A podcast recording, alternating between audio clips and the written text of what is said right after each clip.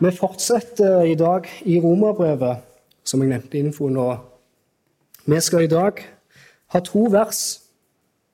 To vers er det bare. Og teksten det er Romerbrevet kapittel 8, vers 29 og 30. Romerbrevet 8, vers 29 og 30.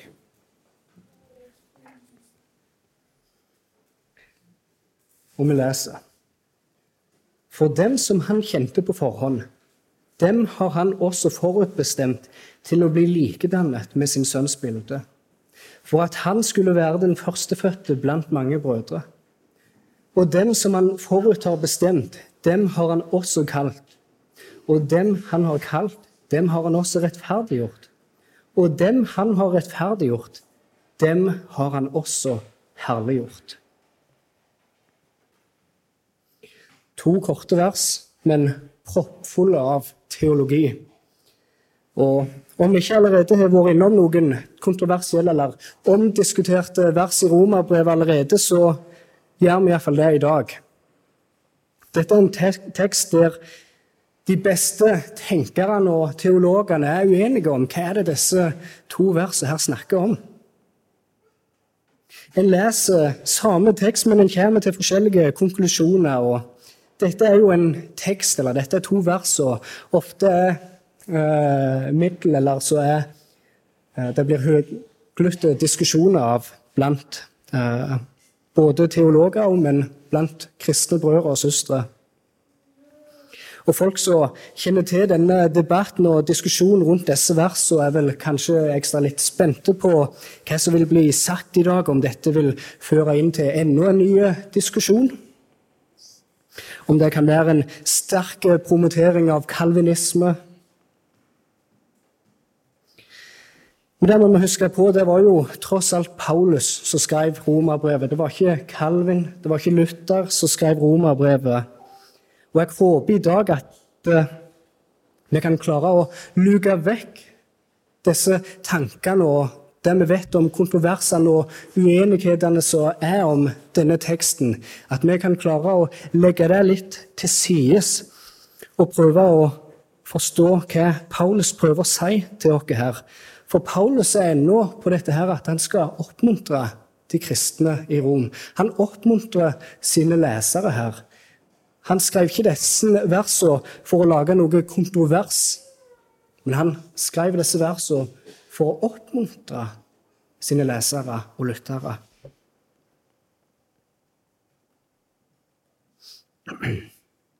Vi har tidligere sett at ved Ånden så har vi fått barnekår, og vi er blitt adoptert inn i en ny familie. Vi har blitt Guds barn, sett tidligere i Romeren 8. Og vi har også tidligere sett at eh, vi skal en dag virkelig bli åpenbart som Guds barn. Da vi skal få et legeme, og vi skal bli ikledd et legeme som er fri fra all form for forbannelse og forgjengelighet. Og Vi har også sett om Den hellige ånd, at han går til med i forbønn for oss, og han er en hjelper for oss i vår svakhet. Han trør inn som en advokat, om du vil, og han taler vår sak framfor Faderen. Det er virkelig noen trøstende ord om Den hellige ånd sin gjerning og sitt verk i den truende sitt liv. Og Vi så også fra sist at Gud han samvirker alt til det gode for de som elsker han. Alle ting i livet vårt, alle prøvelser han går gjennom, det vil Gud samvirke til det gode i den kristne sitt liv. Og det gode, som vi så, det er at vi skal bli likedannet med Jesus sitt bilde. Det er det som er det gode. Og Det er jo dette som er en del av poenget med frelsen. At vi er frelst, vi er forutbestemt av Gud til å bli likedannet med Hans sønns bilde. Vi skal ikke lenger være likedanne med Adam sitt bilde, men med Guds sønn sitt bilde. Selv om det i dag bare er to vers vi skal ha, så har jeg likevel eh, delt denne talen inn i fem punkter. Og disse fem punktene, da, det er Gud har kjent. Gud har forutbestemt.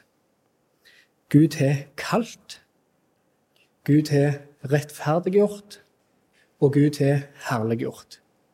Fem punkter. Jeg kan gjenta de. Gud har kjent. Gud har forutbestemt. Gud har kalt. Gud har rettferdiggjort. Og Gud har herliggjort. Disse fem punktene beskriver for oss hvordan frelsen ser ut. Hvordan Gud har planlagt å utføre frelsen for sitt folk. Ei spesiell gruppe som han er kalt ut ifra en hel syndig menneskehet. Og disse fem punktene, eller fem delene, det er det mange kaller for den gylne frelseslenken, som beskriver nå om, som vi skal se i dagens tekst, hvordan er det Gud setter i gang frelsen? Hvordan er det Gud har planlagt frelsen, og hvordan er det Gud utfører den?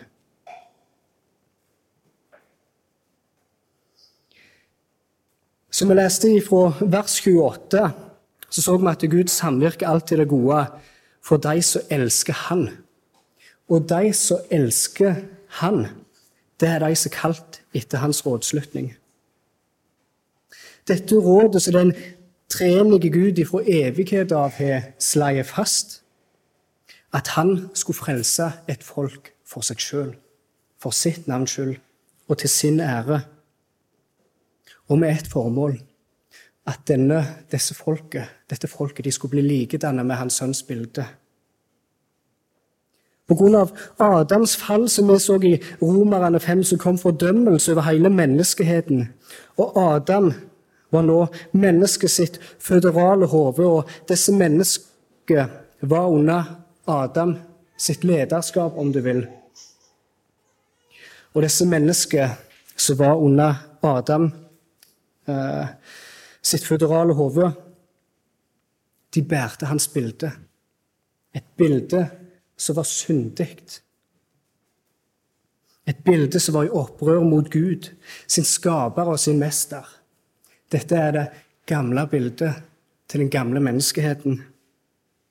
Men ut fra denne menneskeheten da, som var i Adams bilde, så forutbestemte Gud å frelse en gruppe av mennesker som han ifra evighet av bestemte at han ville sette og fokusere sin kjærlighet på. Og han ville tilgi dem deres synder. Ok, La oss nå bevege oss inn i denne her frelseslenken, den gylne frelseslenken, som vi ofte kaller det. Og La oss nå begynne med det første punktet som jeg nevnte.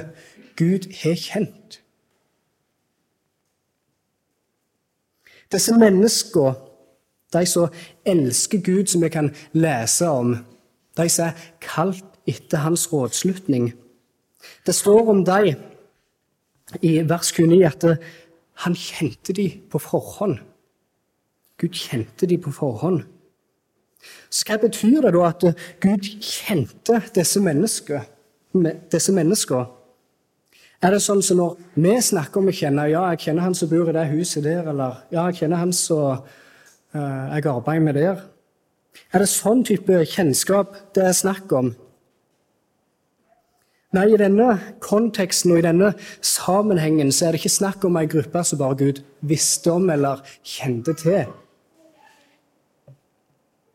Men når det her snakkes om at eh, Gud kjente, så er det da viktig å prøve å forstå hvordan er det Bibelen snakker om dette her å kjenne. Hva vil det si at Gud kjenner mennesket? Vi må da se hva andre plasser i Bibelen som snakker om dette her med å kjenne. Dette verbet å kjenne. Vi må se hvor andre plasser i Bibelen som snakker om det, for å prøve å få en forståelse av her i vers 29, hva snakkes det om når Gud kjente dem på forhånd.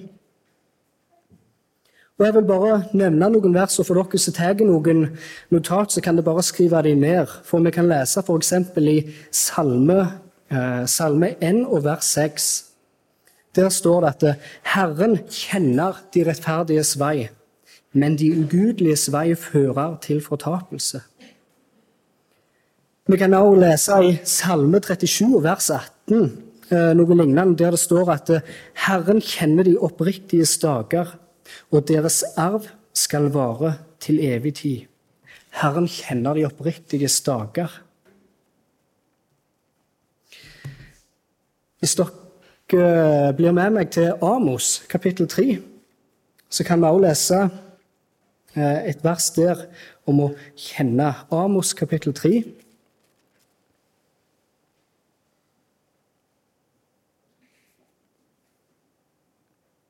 Og vers 2. Der sier, der sier Herren Bare dere, altså om israelsfolket, har jeg utvalgt eller kjent blant alle menneskeslekter, eh, blant alle slektene på jorden. Derfor må jeg straffe dere for alle deres misgjerninger. Og dette med å kjenne det har vi også i Det nye testamentet. Det kan være med meg der til Matteus kapittel 7. Matteus kapittel 7.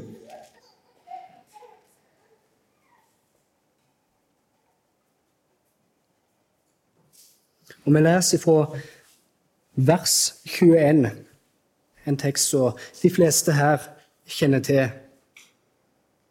Ikke alle som sier til meg, Herre, Herre, skal komme inn i himlenes rike, men den som gjør min himmelske Fars vilje. Mange skal si til meg på den dagen, Herre, Herre, har vi ikke profetert i ditt navn, drevet ut demoner i ditt navn og gjort mange kraftige gjerninger i ditt navn? Men da skal jeg bekjenne for dem, 'Jeg har aldri kjent dere.' Gå bort fra meg, dere som driver med lovløshet. Jeg har aldri kjent dere, sier Jesus her. Og vi har også vers som i Johannes 10, 27, for eksempel, der Jesus sier at 'mine får høre min røst'. Jeg kjenner de, og de følger meg. Så dette her, her så vi flere eksempel på at Gud kjenner en viss gruppe. Gud kjenner noen.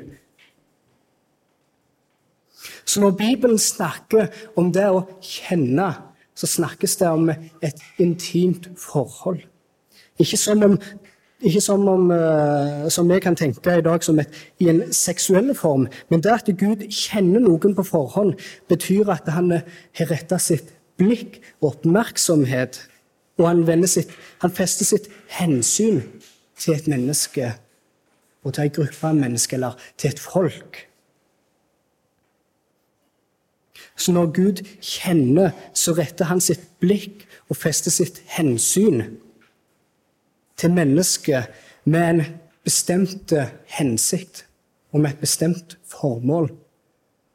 Og den hensikten og det formålet, det leser vi i teksten at en skulle bli likedannet med Guds sønns bilde. Ei gruppe av mennesker som skal bli sett fri fra sin gamle natur og gamle menneskehet i Adam, og for å bli født inn i en ny familie, få en ny natur og en ny herre.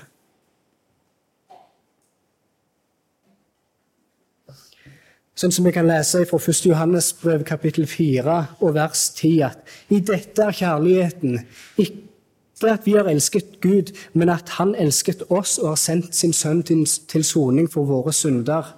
Så kan vi si det samme om det å kjenne. Vi kjenner Gud for Han først kjente oss. Akkurat som vi elsker Gud for at Han først elsker oss.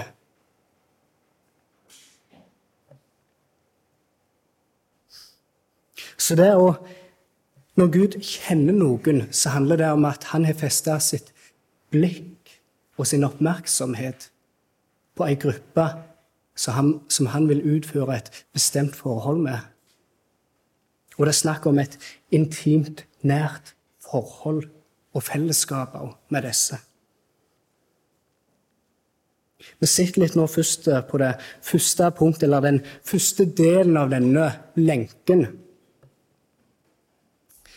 at det er Gud som kjenner mennesket først, og at det, dette kjennskapet, om du vil, handler om at Gud setter sin oppmerksomhet og sitt hensyn til en gruppe av mennesker som han har bestemt å frelse. Det andre punktet og den andre delen i lenken var, som jeg nevnte, Gud har forutbestemt. Og det er dette ordet som er mest omdiskutert. Dette ordet forutbestemmelse, eller som en snakker om i samme sammenheng, utvelgelse, er jo det ordet som skaper mest kontrovers og debatt blant kristne brødre og søstre.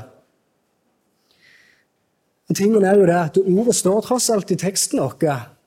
Vi kan ikke bare hoppe over det, eller hvis vi føler det er noe ubehagelig med det, noe ser at det, ah, oh, den, den, rører litt med min tradisjon, altså, så må vi anerkjenne det står i teksten. Vi må bare forstå hva det Bibelen snakker om når Paulus bruker ord som forutbestemt.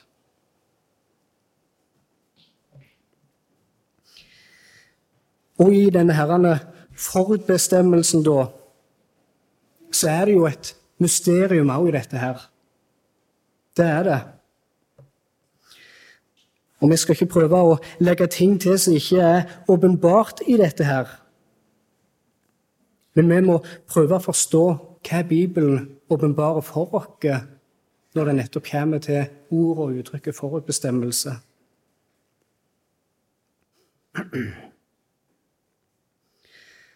La oss se litt på dette neste punktet, da, med at Gud har forutbestemt. For disse folka som Gud på forhånd kjente, som vi leste, de har han forutbestemt til at de skulle bli likedannet med hans sønns bilde. Det er det som er hensikten, som vi kan lese her i denne teksten, at Jesus også skulle være den førstefødte blant mange brødre.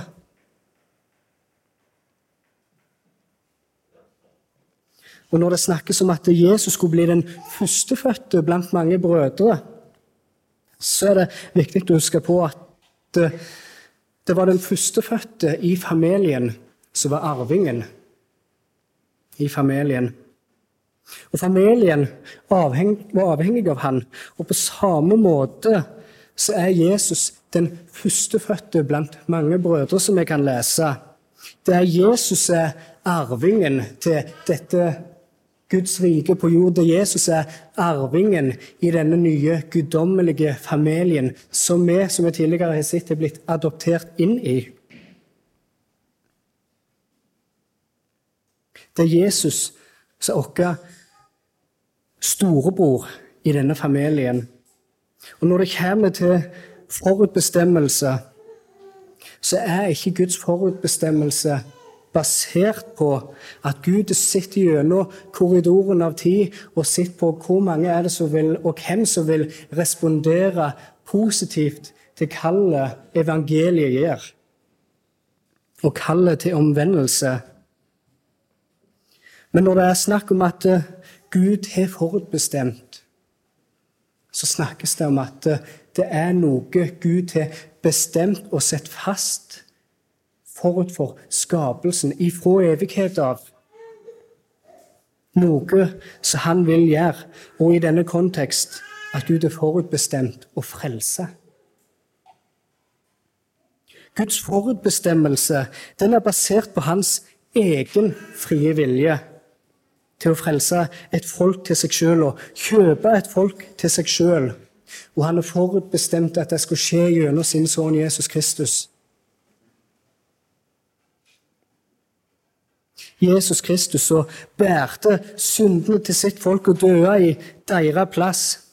For det er Jesus, og det er Jesus alene at denne gruppa, disse mennesker som Gud har forutbestemt, det er Jesus de får frelsen og finner tilgivelse for sine synder. Hvis Guds forutbestemmelse hadde vært basert på mennesket sin vilje og deres valg, så vil jeg si at eh, Jesus hadde ikke blitt storebror til mange brødre. Han ville ikke hatt noen brødre.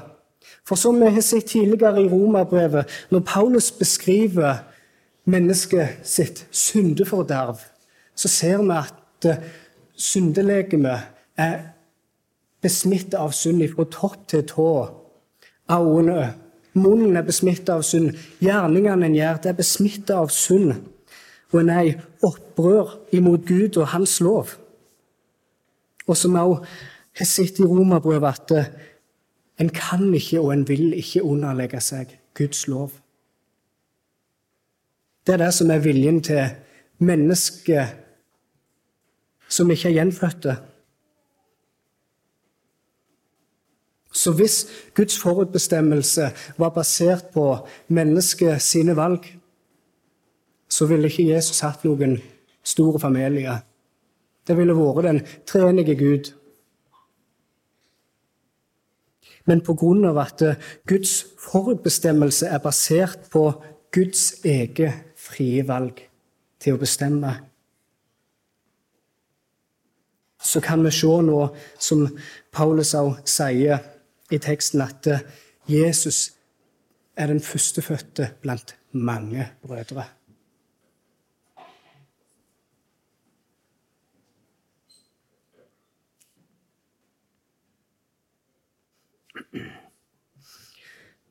Og Når det kommer til Guds forutbestemmelse, så er det viktig å huske på at den er av nåde. Guds forutbestemmelse til frelse det er av nåde. Det er at Gud velger å forutbestemme en gruppe mennesker til å bli likedannet med Hans sønns bilde. Det er bare av nåde. For denne gruppa disse menneskene de får det de ikke fortjener i frelsen.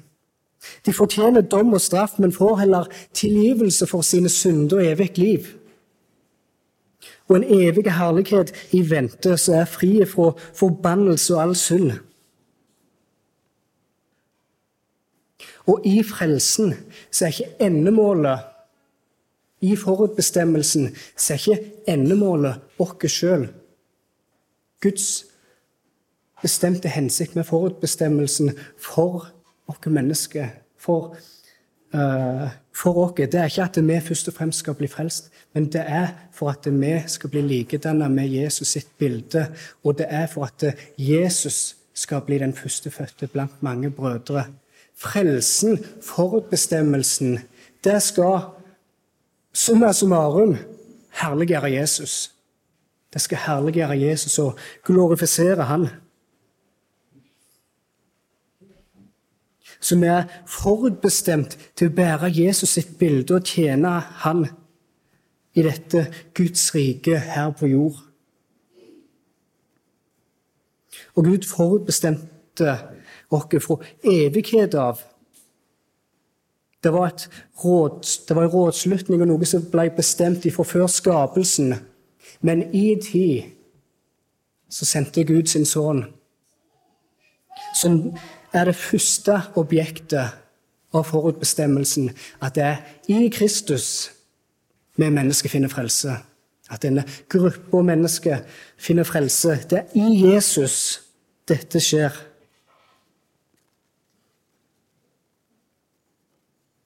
Så forutbestemmelsen, og det at Gud er forutbestemt, det handler om at Gud har bestemt ifra før verdens skapelse av hvem han vil frelse, og hvem han vil sette sitt, sin kjærlighet til og vise sitt hensyn til, og hvem han vil kjøpe til seg sjøl. Hvis vi går videre på det tredje punktet i denne, eller den tredje delen i denne lenken, som er Gud har kalt. Gud har kalt. For som vi kan lese i vers 30, at og dem som han forut har bestemt, dem har han også kalt. Så i denne forutbestemmelsen som vi skal se nå, så er det tre guddommelige handlinger. Det er et kall, det er rettferdiggjørelse, og det er herliggjørelse. Så det første nå er kallet. Så hva er dette da kallet? Er det et snakk om et generelt kall som går ut til alle mennesker? Er det det kallet som blir beskrevet her? Evangeliets kall til alle mennesker må tro på evangeliet og omvende seg fra sine synder. For vi vet jo at eh, evangeliet kaller alle mennesker til omvendelse. Og som vi kan lese i apostelgjerningene 17 eh, og vers 30-31, så leser vi Sannelig, disse uvitenhetens tider har Gud båret over med. Men nå befaler han at alle mennesker alle steder skal omvende seg. For han har fastsatt en dag der han skal dømme verden i rettferdighet, ved den mannen som han har innsatt. Han har gitt alle grunnlag for å tro dette ved å oppreise ham fra de døde. Bibelen snakker mye om kall. Vi har i Matteus 22 for eksempel, lignelsen om denne bryllupsfesten, der Jesus forteller en lignelse om en konge som inviterte til et bryllup for sin sønn. eh, Så kan vi se Jesus konkludere i slutten av lignelsen og sier at eh, mange er kalt, men få er utvalgt. Så dette her kallet, ordet kall og konseptet med kall er et veldig typisk bibelsk konsept. Så hvordan skal vi forstå når Paulus her i Romerne 8 snakker om kall? Er det dette her kallet som går ut til alle mennesker?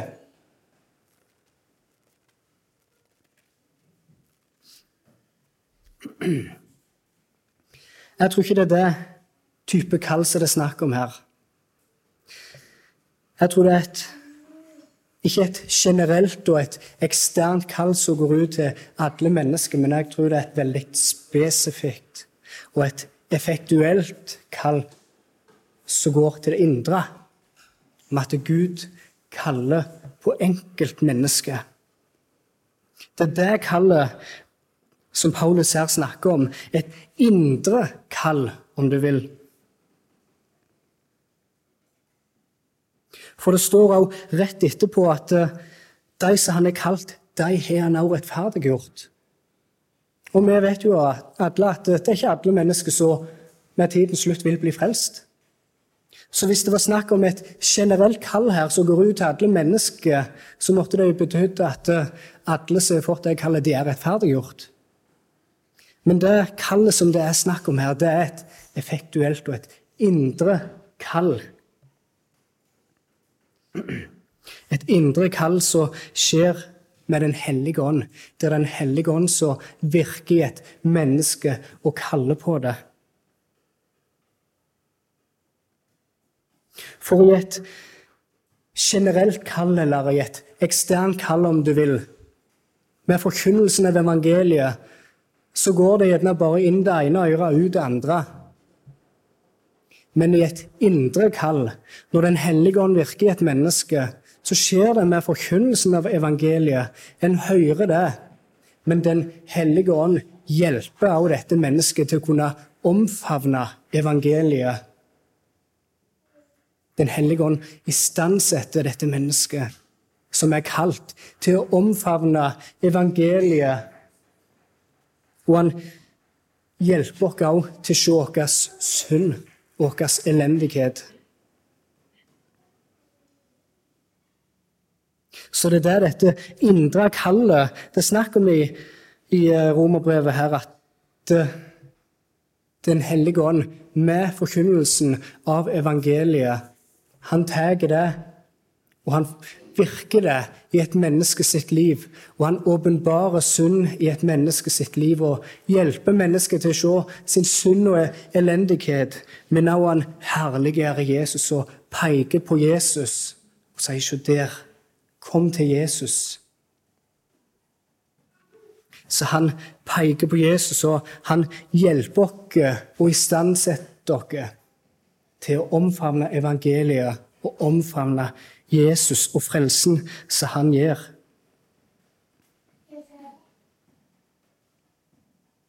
Det er rett og slett et kall som utfører sin bestemte hensikt.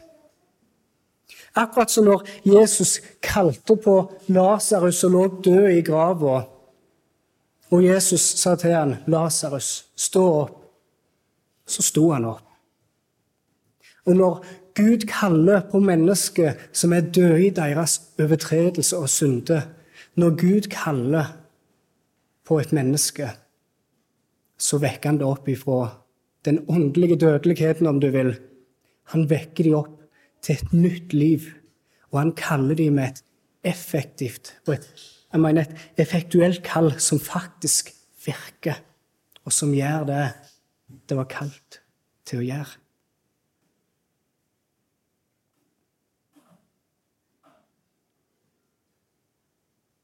Og dette kallet, det er det Gud med Den hellige ånd som utfører oss og gjør. For som Jesus sier i Johannes 6 at ingen kan komme til meg uten at Faderen som har sendt meg, drar han. Og jeg skal reise han opp på den siste dagen. Det er Gud som kaller mennesket ved Den hellige ånd, med et indre kall som faktisk virker til frelse.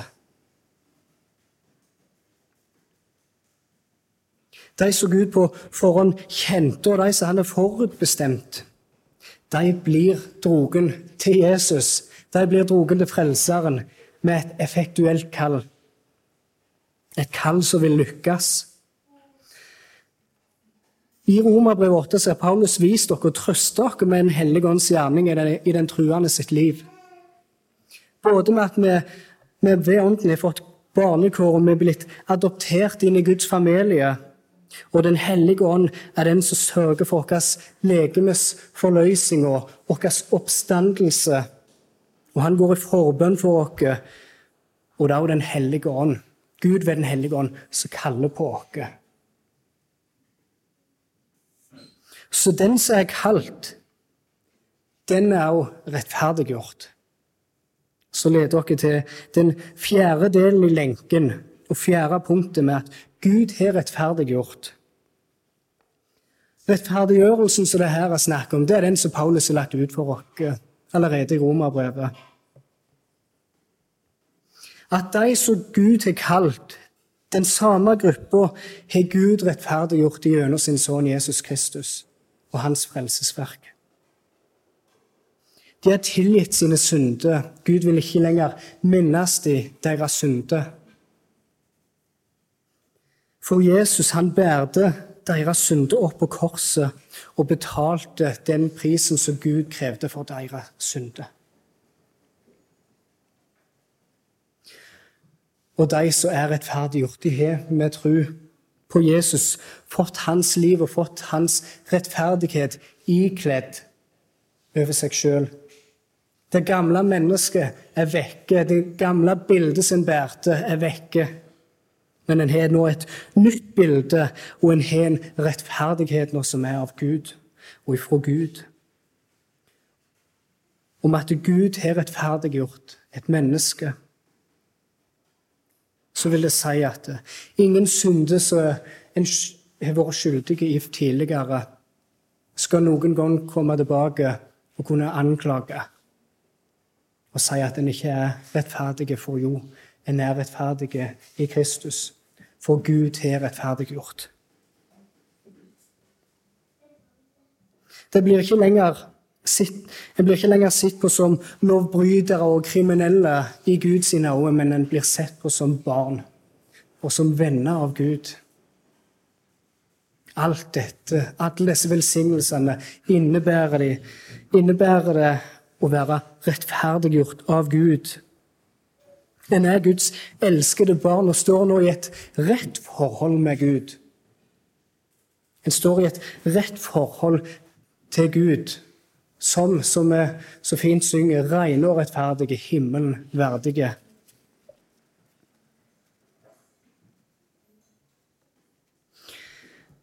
For å få se mer på rettferdiggjørelsen, da, hva det vil si at Gud er rettferdiggjort, var bare med meg tidligere i Romerbrevet kapittel 3.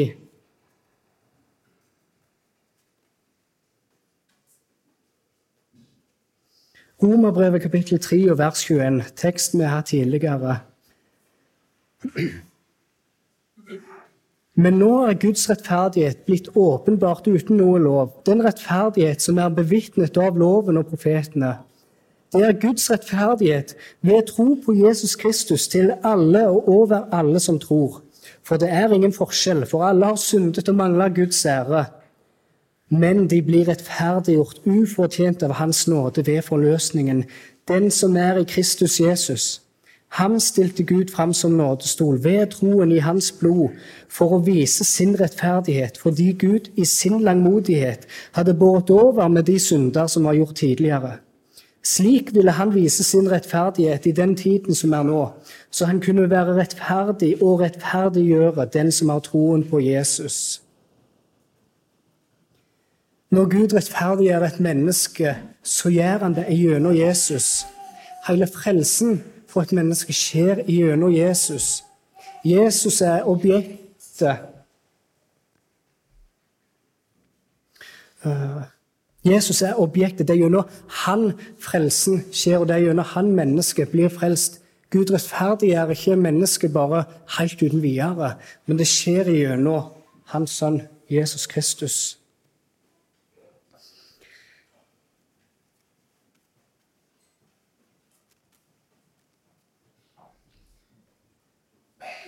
La oss nå gå videre til den siste delen av denne lenken med at Gud har herliggjort.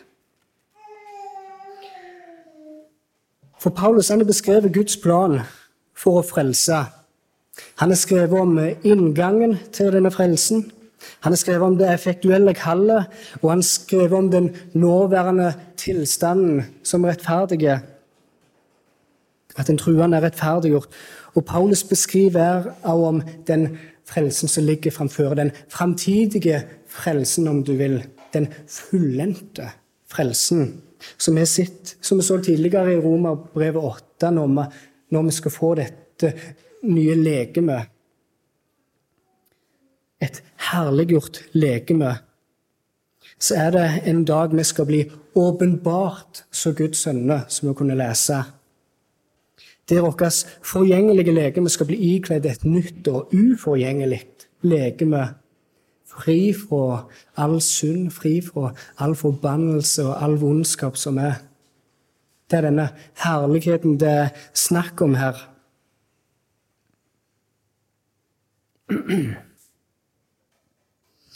Det er når frelsen er komplett. Og det var jo dette som var Guds hensikt ifra evighet, av at de som han kjente, de som han forutbestemte, de som han kalte, de som han rettferdiggjorde, de har han òg gjort sånn at en skal kunne bli likedannet med Jesus sitt bilde. En skal bli likedannet med Jesus sitt bilde, og en skal komme til der det opprinnelig var meint å være, i fullkomment fellesskap med Herren og i fullkomment fellesskap med Gud. Så til og med herliggjørelsen er en del av denne lenken, nå, som vi har sett hvordan Paulus har beskrevet disse fem delene i denne gylne frelseslenken. Han har beskrevet hvordan det så ut fra før skapelsen av, og hvordan det var når Gud eh, effektuerte det i tid, når, han, når Gud innsatte det i tid med at han sendte Jesus for å fullføre denne frelsen som Gud hadde planlagt. Og Paulus har også beskrevet nå for oss med at Gud er herliggjort dette folket Gud har herliggjort disse menneskene, så beskriver han framtida òg. Fra begynnelse til slutt. Bare for å vise oss enkelt og greit frelsen er et verk av Gud. Hele frelsen fra begynnelse til slutt er et verk av Gud. Og disse, disse versene har jo Paulus skrevet og det skal være meint til å være til oppmuntring for de truende. Som han er beskrevet og oppmuntrer oss ellers fra Romeren 8. Så skal disse versene også være med og oppmuntre oss til å se det at hele frelsen er faktisk et verk av Gud. Han utfører det fra begynnelse til slutt. Paulus skrev ikke dette her for å skape konflikt, som det ofte blir ut av disse her versene blant kristne brødre og søstre. Men han skrev dette for å oppmuntre sine lesere. Når vi nå har gått gjennom sett disse her fem delene av denne lenken, eller disse fem punktene, så har dere antageligvis lagt merke til sjøl at alt er skrevet i fortid. Alt er skrevet i fortid. At Gud kjente på forhånd er skrevet i fortid. At Gud forutbestemte er skrevet i fortid. Gud kalte det i fortid. Gud har rettferdiggjort det er skrevet i fortid. Og Gud har herliggjort. Alle disse fem delene er skrevet i fortid. Bare for å oppmuntre igjen Paulus skal på ny oppmuntre og vise oss og sine lesere at eh, frelsen er et sikkert verk. Det er et sikkert verk, og vi kan ha visshet i at frelsen faktisk er sikker. Frelsen er slått fast og fastbestemt ifra evighet av. For det er Gud sjøl, Gud Fader, Gud Sønn og Gud Den hellige ånd, som har tatt rådslutning med å bestemme med å frelse et folk til seg sjøl. Og har for evighet av bestemt hvordan denne frelsen skal se ut fra begynnelse og slutt. Og det er så sikkert, dette frelsesverket, at Paulus skriver om det som om det allerede har skjedd. Til og med herliggjørelsen, som vi kan lese om.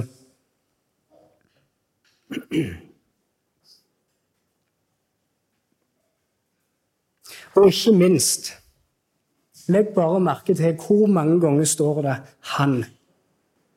Han har kalt. Han er forutbestemt. Han har rettferdiggjort. Han har herliggjort.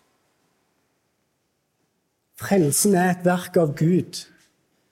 Paulus skal vise at mennesket kan ikke frelse seg sjøl. Det er Gud som frelser mennesket ifra begynnelse til slutt. Med hvem han vil frelse, med kaller det frelse. Hele denne frelseslenken er et verk av Gud alene. Det er han som gjør det fra begynnelse til slutt. Det er ikke som om han starter det, og vi fullfører det. Nei, frelsen er et verk av Gud. Hele pakken ifra begynnelse til slutt er et verk av Gud. Og jeg håper at, eh, selv om vi vet at disse versene er, eh, er ofte diskutert, så håper jeg at vi kan bli oppmuntret av disse her versene i dag. At vi kan se hvor sikker frelsen faktisk er. Hvor mye Paulus prøver å oppmuntre sine lesere med dette her. Og at vi skal se, ikke bare se på denne teksten som en teoretisk tekst med grunnlag for diskusjon, men at vi skal se på denne teksten og bli oppmuntra og glede oss og ha vår trygghet i at eh, Gud som har starta dette verket i oss, Gud som har planlagt å starte frelsen, han vil også fullføre det. Og han vil ikke feile. Om et av disse punktene i denne lenken hadde blitt brødet, så hadde det gått Gud over Guds egen ære. Hvis alt fram til herliggjørelsen var et verk av Gud, men herliggjørelsen sto på oss, da ville vi feile. Men på grunn av at det er av Gud, så vil det lykkes. Det vil ikke feile. Og Gud vil ikke miste ære, men han vil bli æra i dette frelsesverket.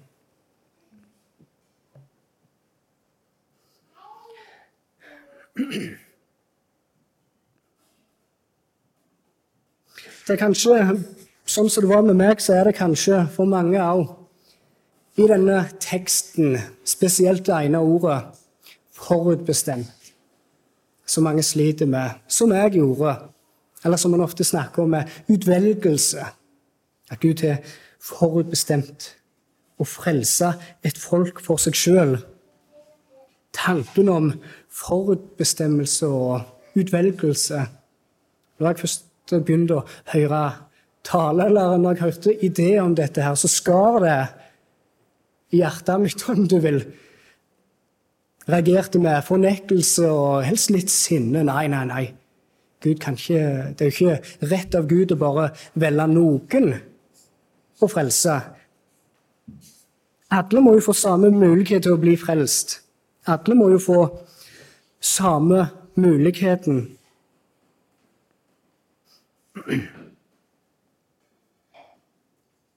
Det må jo være opp til mennesket sjøl om de velger Gud eller ikke.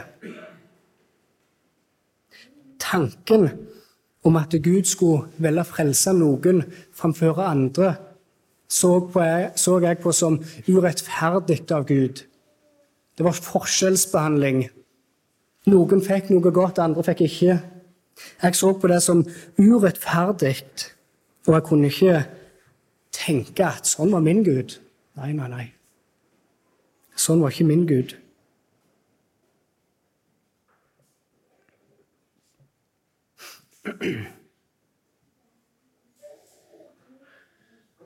For hvis det var sånn at Gud bare velte ut noen han ville frelse, så ville det jo ikke være nåde, vil jeg si.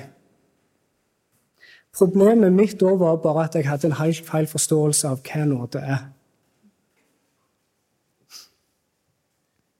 Jeg tenkte at for at nåde skal være nåde, så må det bli gitt på likt grunnlag til alle mennesker.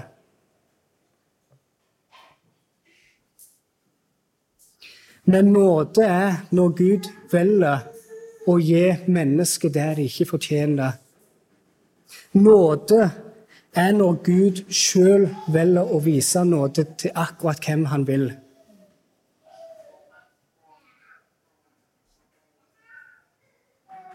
Nåde handler ikke om at alle skal bli vist nåde, og alle Nåden skal bli gitt på samme grunnlag til alle mennesker, men nåden handler om at Gud viser nåde til hvem han vil.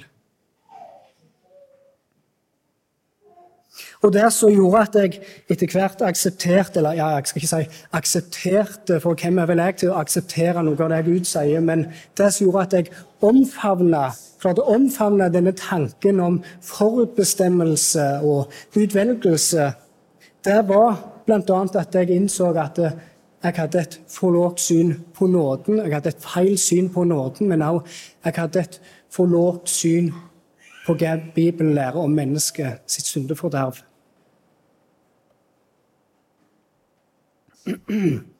For når jeg lærte å forstå mer av hva Bibelen lærer om mennesket sitt syndeforderv, og så at det er beskrevet som at hele legemet er besmittet av synd, i opprør mot Gud og i opprør mot Hans lov. Så så jeg hvis det er tilstanden, så kan ikke noe menneske bli frelst. En er ikke i stand til å kunne velge Gud sjøl. En vil ikke velge Gud sjøl. Og for at for det hele tatt skulle være mulig at noe menneske skulle bli frelst, så måtte Gud gripe inn. Så må Gud gripe inn sjøl.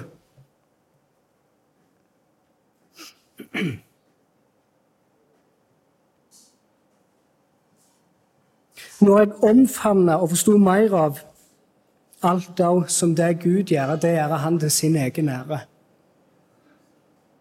når jeg omfavnet det òg, og forsto mer av hva Bibelen lærte om det, så var det òg en ting som hjalp meg til å forstå og omfavne denne tanken om forutbestemmelse.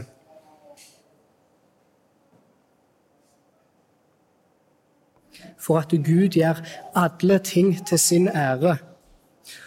Og når jeg forsto mer av hva Bibelen lærer om synd, og hva Bibelen lærer av om hva nåde er, så forsto jeg at uh, om Gud ikke hadde frelst et eneste menneske på jord, så hadde Gud hatt all rett til å ikke frelse et eneste menneske på jord. For vi mennesker hadde fått akkurat det vi fortjente av Gud. Vi hadde fått en rettferdig dom for våre synder. Og Gud ville gjort det til sin ære. Hvis Gud hadde valgt å frelse alle mennesker, så ville Gud også blitt æra og lovprist for sin universelle nåde til alle mennesker. Men hvis Gud velger å frelse noen mennesker, og andre overlater han til seg sjøl, så gjør han det òg til sin ære. Og når han gjør det, så får han vist sin nåde til de som han frelser, og han får vist sin rettferdighet til de som ikke blir frelst.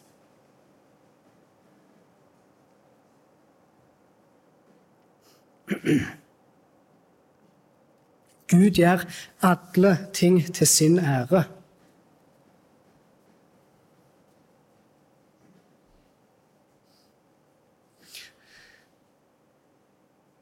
Ofte når jeg også hører snakk om uh, denne teksten, eller reformert teologi, eller kalvinismen, og folk snakker om det, så hører jeg gang på gang at uh, å ja, det er de som tror at det er bare noen få utvalgte som blir frelst. For det første så vil jeg si problemet i en sånn uttalelse er en feil forståelse av Guds nåde der òg. Og på hvilken måte da? At bare noen få blir utfrelst. Nei, bare at noen få blir utvalgt til frelse. Som om Gud var under noe obligasjon. Gud var nødt til å frelse mange.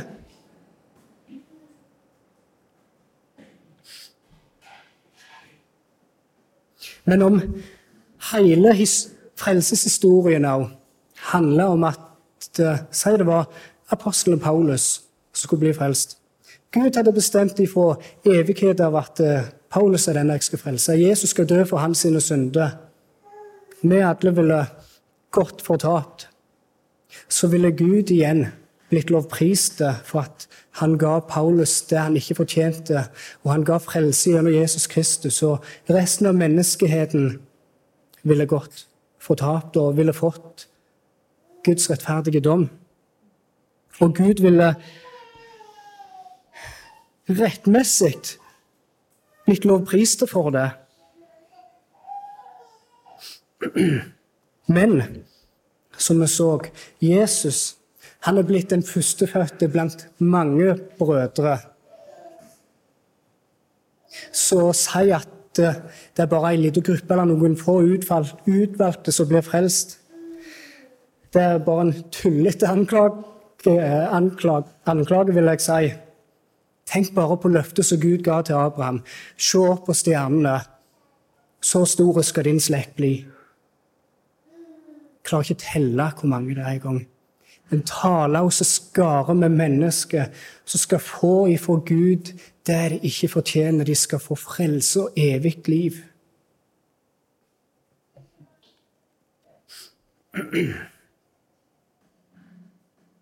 Når disse tingene begynte å falle litt mer på plass for min del. Og forstå rett hva nåde er. At nåde handler ikke om at det skal bli gitt litt til alle, men nåde handler om at Gud gir det til hvem han vil, og han gir det til de som ikke fortjener å bli vist nåde, ikke fortjener å bli vist Guds godhet og få del i Guds gave. Og når jeg forsto mer av hva Bibelen lærer om syndefallet, så var det ei brikke som hjalp meg til å kunne omfavne tanken og læren om forutbestemmelse. Og også ikke minst at eh, når Gud gjør noe, så gjør han det optimalt og primært sett til sin egen ære.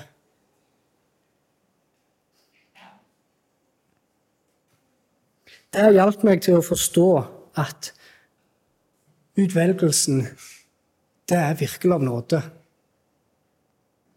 Det er av nåde. For en nådig Gud vi har som faktisk har bestemt å frelse ei gruppe, og jeg vil si ei stor gruppe mennesker.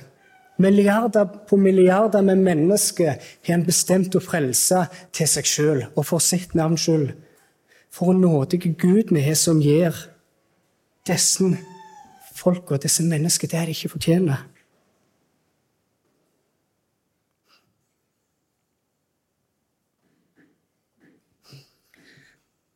For en nådig Gud vi har. Ut ifra disse versene som er proppfulle av dyp teologi. Det var bare to vers. Så kan jo gjerne folk spørre ja vel, altså OK, hvordan skal jeg i det hele tatt vite hvordan jeg er blant de utvalgte? Og Spørsmålet kommer jo naturligvis opp, for selv om, Gud, eh, selv om det er åpenbart for oss hvordan Gud frelser, så er det ikke åpenbart for oss hvem som er identiteten til denne gruppa. Det er et mysterium i dette her. Hvordan kan en da få vite om en er av de utvalgte? Hvordan kan en vite om en er sant truende, om du vil? Og For å få litt mer svar på det, så vil jeg eh, det skal være med meg til andre Peters brev.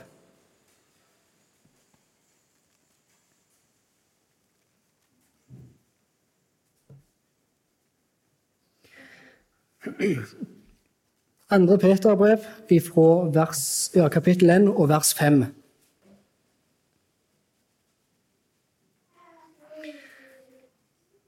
Men nettopp derfor skal dere også med iver la all deres tro vise seg i et ærbart liv, og det ærbarige liv i kunnskap. Kunnskapen i avhold, og avholdenheten i utholdenhet, og utholdenheten i gudsfrykt. Og gudsfrykten i broderomsorg, og broderomsorgen i kjærlighet.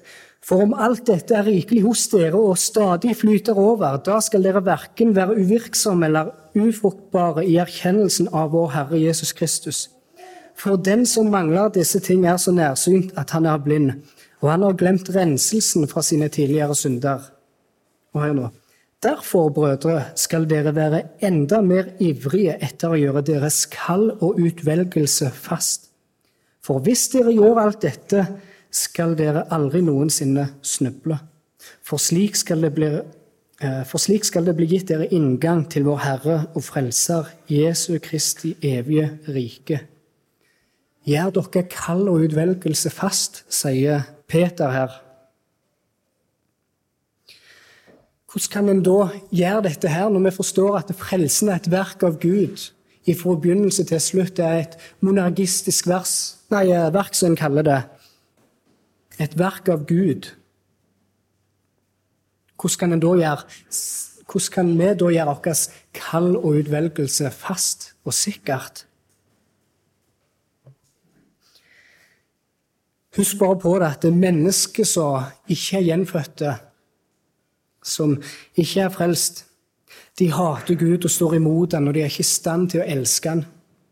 Men hvis Den hellige ånd har grepet inn i ditt liv og gjort et så stort verk i deg at den guden en en gang hata, den elsker nå. Den samme guden elsker en. Og en ønsker å følge han og leve etter hans vilje.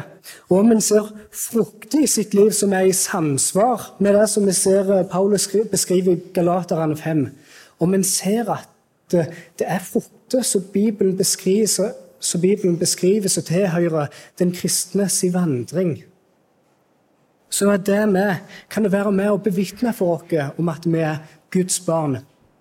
Så kan det være med for oss å gjøre vårt kall ifra Gud og utvelgelse fast. For kall i seg sjøl, det er jo med Den hellige ånds verk. Det er Han som istandsetter et menneske i det hele tatt å kunne tro på Jesus og kunne elske han. Og det er jo det, ikke minst, hvordan å gjøre sitt kall og utvelgelse fast. Vi har sitt blikk festet på Jesus, er troens opphavsmann og fullender. Gjør en det, fester en sitt blikk på Jesus, så skjer det som et resultat av at eh, Den hellige ånd setter deg i stand til det. Og skap den trua i deg og tilliten til Jesus. Og hvis en gjør dette, så skal han ikke snuble, som det sto her i Peters brev. Gjør vårt kall og utvelgelse fast med at vi har vårt blikk festet på Jesus, og at vi kan se tilbake se hvordan Den hellige ånd har jobba i oss til å forme oss til mer likhet med Jesus.